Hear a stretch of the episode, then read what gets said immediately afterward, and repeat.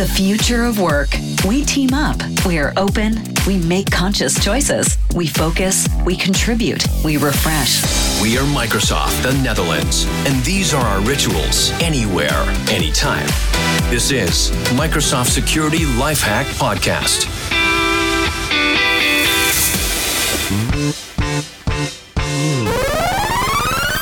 Ja, daar zijn we weer. Microsoft Security Lifehack Podcast. eh, live opgenomen vanuit onze eigen podcaststudio. Hier op Schiphol eh, vanuit het eh, prachtige Microsoft pand. Mocht je ooit hier in de buurt zijn, loop gewoon eens langs. Kan je door het raam kijken hoe wat we aan het doen zijn. Vinden wij ook altijd gezellig. Maar vandaag hebben we het derde deel van ons drieluik met onze partner Rawworks rondom data compliance, protectie, alles met data security wat we te maken hebben.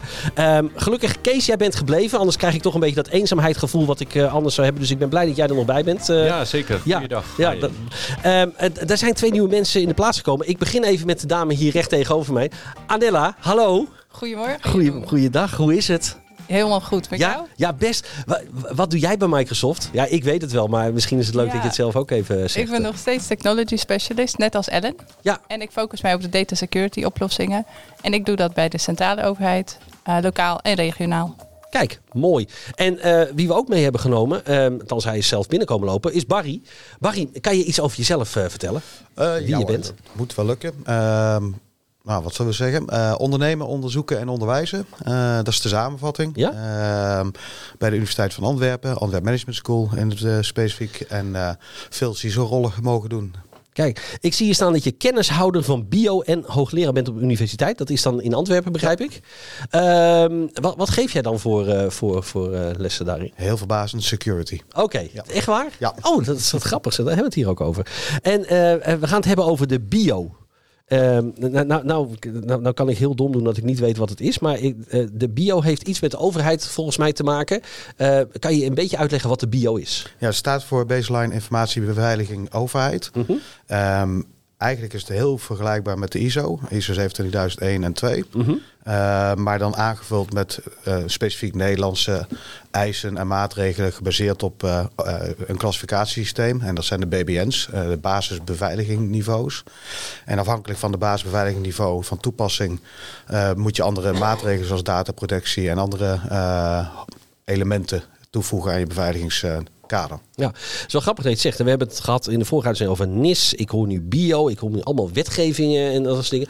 Is het voor iedereen, is, is, is het meer dan alleen wetgeving? Is het gewoon handig om het sowieso te doen in plaats niet alleen voor wetgeving, Anella? Dat het, uh, dit soort data security? Dat is echt een hele goede vraag, Jeroen. Ik denk Dank je. dat, uh, ja, als je, Ja. ik denk dat de wetgeving, dat zorgt een soort van voor een push.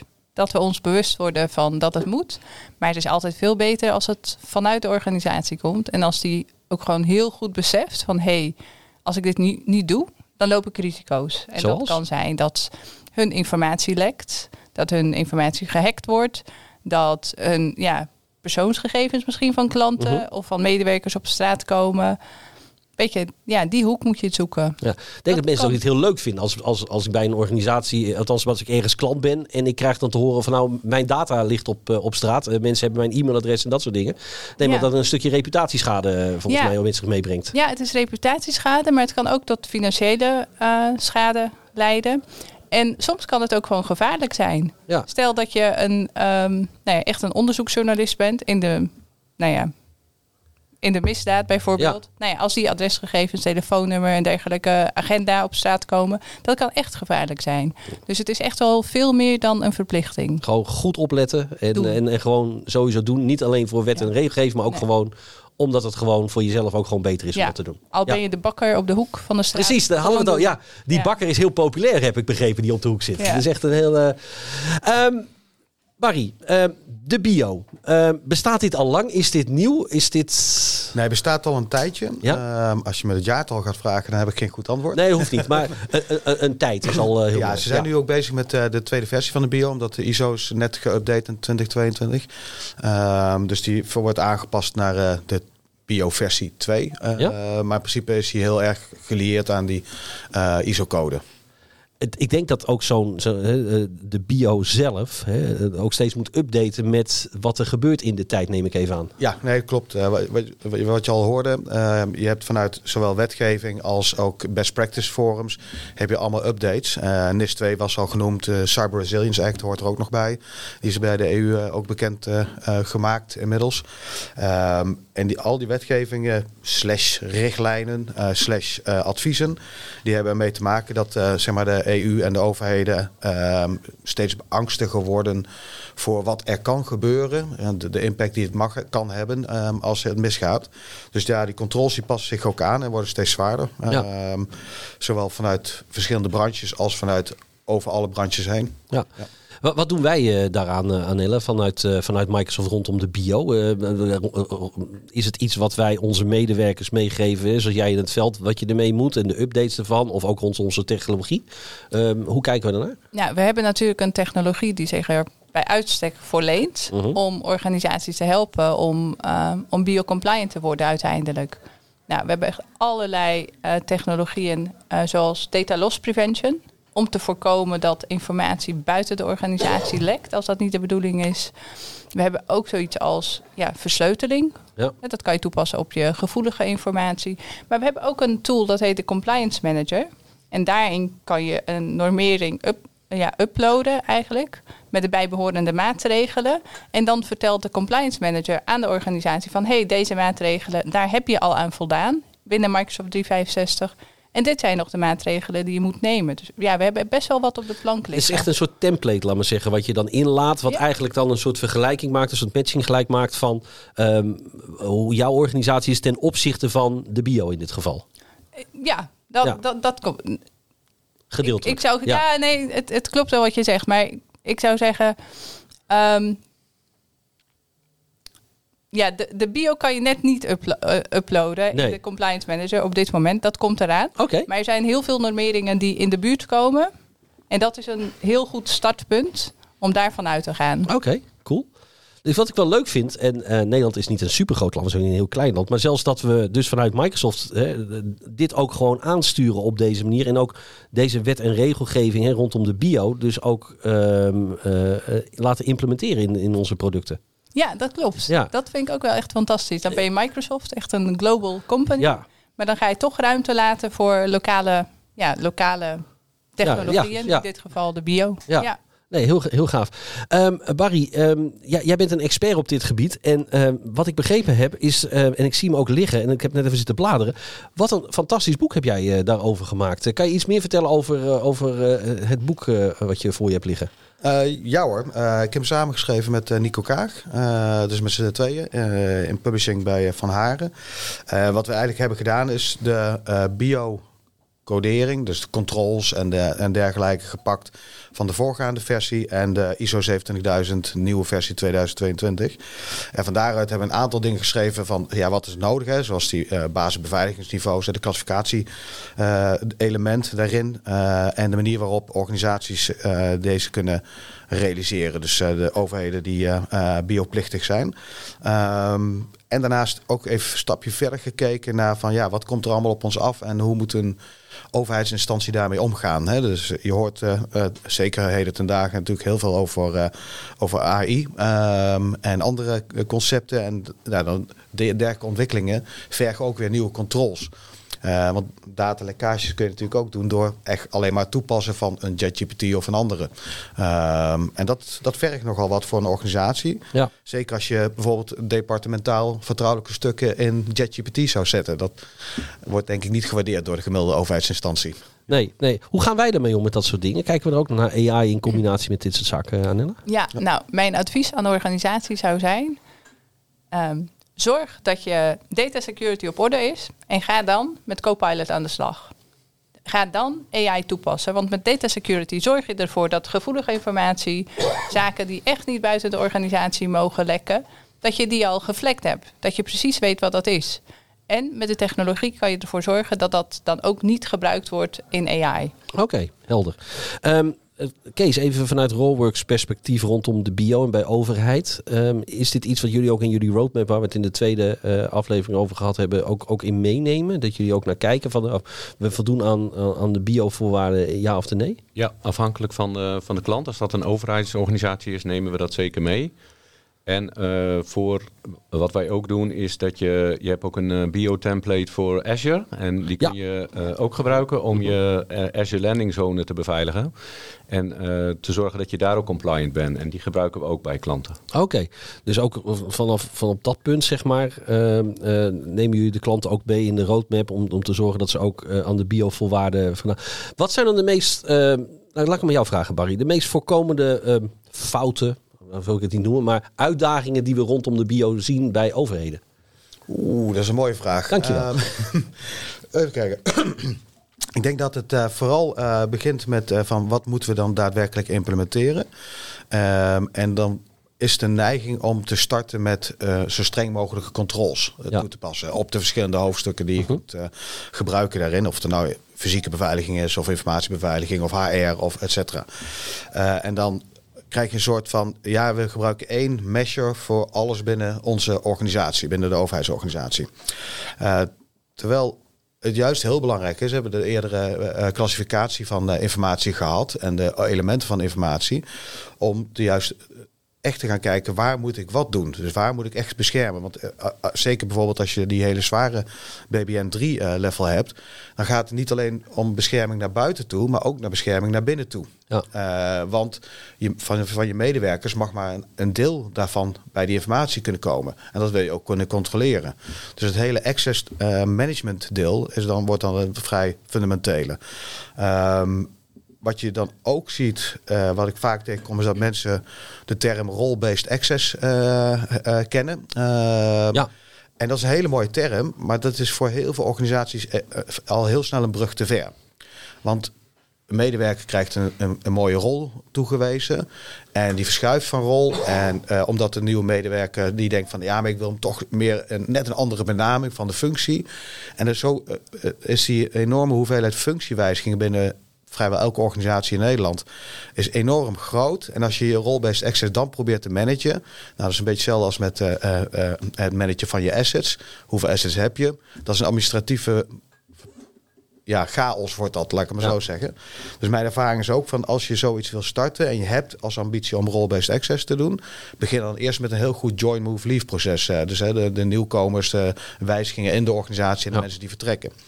Uh, en van daaruit bij, met de Active Directory uh, als, als basis, als kern, daar strak gaan managen. En dan inderdaad het aantal admins heel laag houden. Oké, okay. dat is wel een hele goede tip inderdaad. Ja. om, om, ja. Heb je een aanvulling op, Kees? Ja, zeker. Je hebt in, in, we hebben het natuurlijk toch ook veel over Purview in de podcast hier. Ja. In Purview heb je een hele mooie audit mogelijkheid waarbij je precies aan kan geven wat er gedaan wordt uh, door wie. En dat het ook uh, in de logging uh, meegenomen wordt en ook goed vast ligt. Dus daar kun je ook echt bijzondere dingen mee. Ja, dat is wel inderdaad wel mooi dat we inderdaad die producten allemaal zo mooi bij elkaar komen en dat we het bij elkaar kunnen brengen. Wat ik me af zit te vragen, Barry, is, is um, als, als je kijkt en al als wat je vertelt en zo, zijn er ook organisaties die angstig hiervan worden? Ik kan me voorstellen, als ik dit allemaal hoor en als ik het allemaal niet al voldoe, dat ik, uh, laat maar zeggen, met pek en veren uit mijn uh, gemeentehuis wordt getrokken.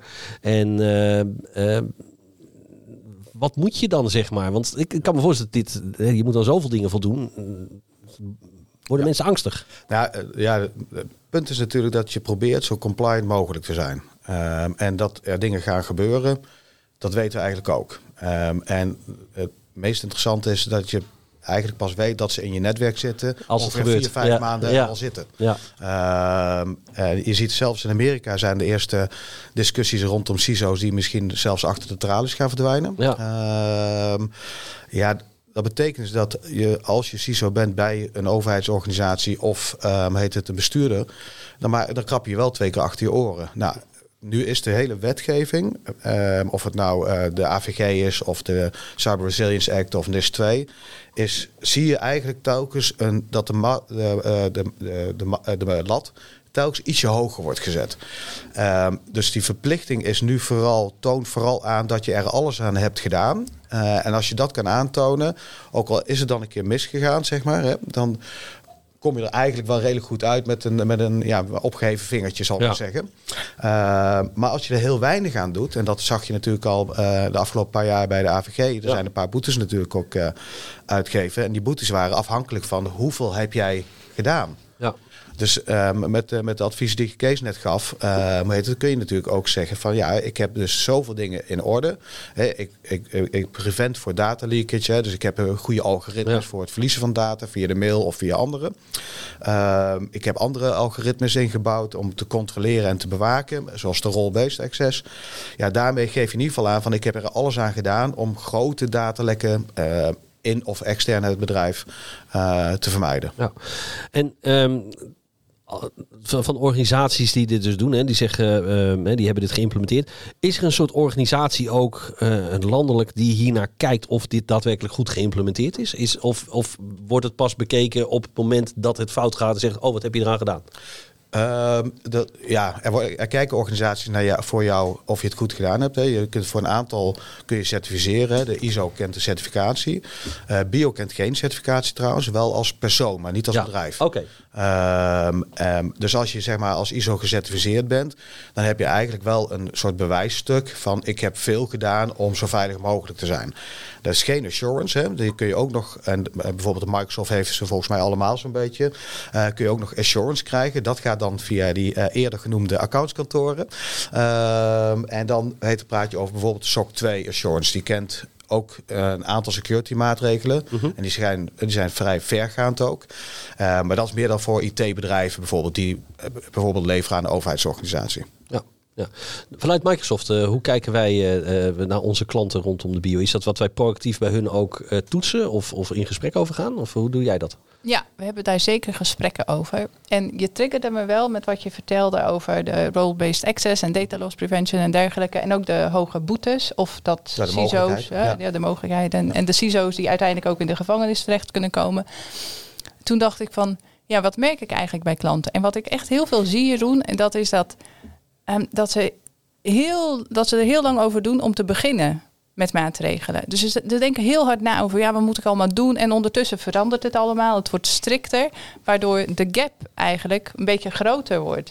En ik hoorde laatst een collega van ons zeggen, en die zei het, en nu moet ik het echt heel goed zeggen, die zei, it doesn't have to be great to get started. Uh, but you have to get started to become great. Ja, je moet ergens, je moet beginnen om het goed te kunnen doen. Ja, dus Ja. ik denk als het om bio gaat, dan denk ik, zou ik klanten echt aanmoedigen om wel die stappen te gaan zetten richting ehm, informatiebeveiliging en dan stapsgewijs verder doortrekken. Ja, Dus- mooi. Dus, dus begin gewoon ermee en, en kijk ook wat, wat nodig is. Eh, nou, we, hè, eh, we hebben onze partners ervoor, vanuit Rollworks eh, die Ja. dat kan doen. We hebben vanuit Microsoft. En we hebben natuurlijk, eh, eh, eh, Barry, ik zit even te kijken naar je boek. Baseline Informatiebeveiliging Overheid, ofwel BIO, gebaseerd op ISO 27002, dubbele punt 2022. Is 2022 dan het jaartal? Ja, Oké, klopt. nee. Dat is de meest recente versie. Ja, Eh, En- en- dus na jarenlang is hij een keer geüpdate. eh. Oké. Ja. En wat, wat eh, als we het boek lezen, krijgen we praktische tips eh, rondom hoe met de bio om te gaan of Ja. ervaringen? Ja, en daar toevallig net een aansluiting van. In- Inderdaad, begin gewoon. Ja. Er staan in de ISO of in de bio, hè, er staan um, um, zo rond de 100 plus controls. Ja. En de controle is van, ja, je moet een informatiebeveiligingsbeleid hebben. En wat ik dan eigenlijk zeg maar altijd doe, en dat is, het is gewoon eigenlijk een mondeling werk. Hè. Je hebt een lijstje eh, heet het met 100 van die controls, of eh, aan- eh, afhankelijk van het aantal controls dat je in je scope hebt staan. Ehm, en dan begin je gewoon letterlijk bij de eerste is van, oké, heb ik daar beleid voor gemaakt? Ja. Is er een procedure voor? Kan ik een test of design geven en kan ik een test of effectiviteit geven? En die laatste twee zijn voor de, voor de auditors van belang. Ehm, heet het, en als je dat hebt en je hebt ze dan allemaal gedaan, dan ben je eigenlijk heb je een heleboel dingen al gedaan om great te worden, zeg maar. Hè? Want daarna kun je die verbetercyclus in en dat is ja, periodiek. Ja. Cool. Ehm, ja, ik, ik vind het heel leuk. Ik ga het boek ga ik zeker lezen. Ik zie hem hier voor me liggen, dus ik, eh, ik ga er even in, eh, in grasduinen. Ehm, wil je hier nog meer van weten? Eh, check ook even online op Barry Derksen en dan zoek op Baseline Informatiebeveiliging Overheid. Dan kunnen ze het ook even doorlezen en nalezen. Ik wil jullie ontzettend bedanken voor jullie tijd. Ehm, Kees, Barry en Anella. Leuk dat jullie er waren. Eh, ik hoop dat jullie het leuk hebben gevonden, deze drie luiken die we hebben gemaakt met onze partner eh, Rawworks rondom eh, data security en dataprotectie. Eh, mocht je deze podcast nou leuk vinden van Security Live, luister hem gewoon nog een keer terug. Dat kan, maar je kan je ook abonneren. En eh, als je abonneert, dan doe je op het hartje te drukken. Dan vind je vanzelf de nieuwe podcast in, in je favoriete podcast app. En je wordt ook automatisch een notificatie naar je toegestuurd. Dus wat wil je nog meer? Eh, ontzettend bedankt voor het luisteren en we zien jullie graag tot de volgende keer. Tot ziens! Bedankt voor het luisteren naar deze podcast van Microsoft Nederland.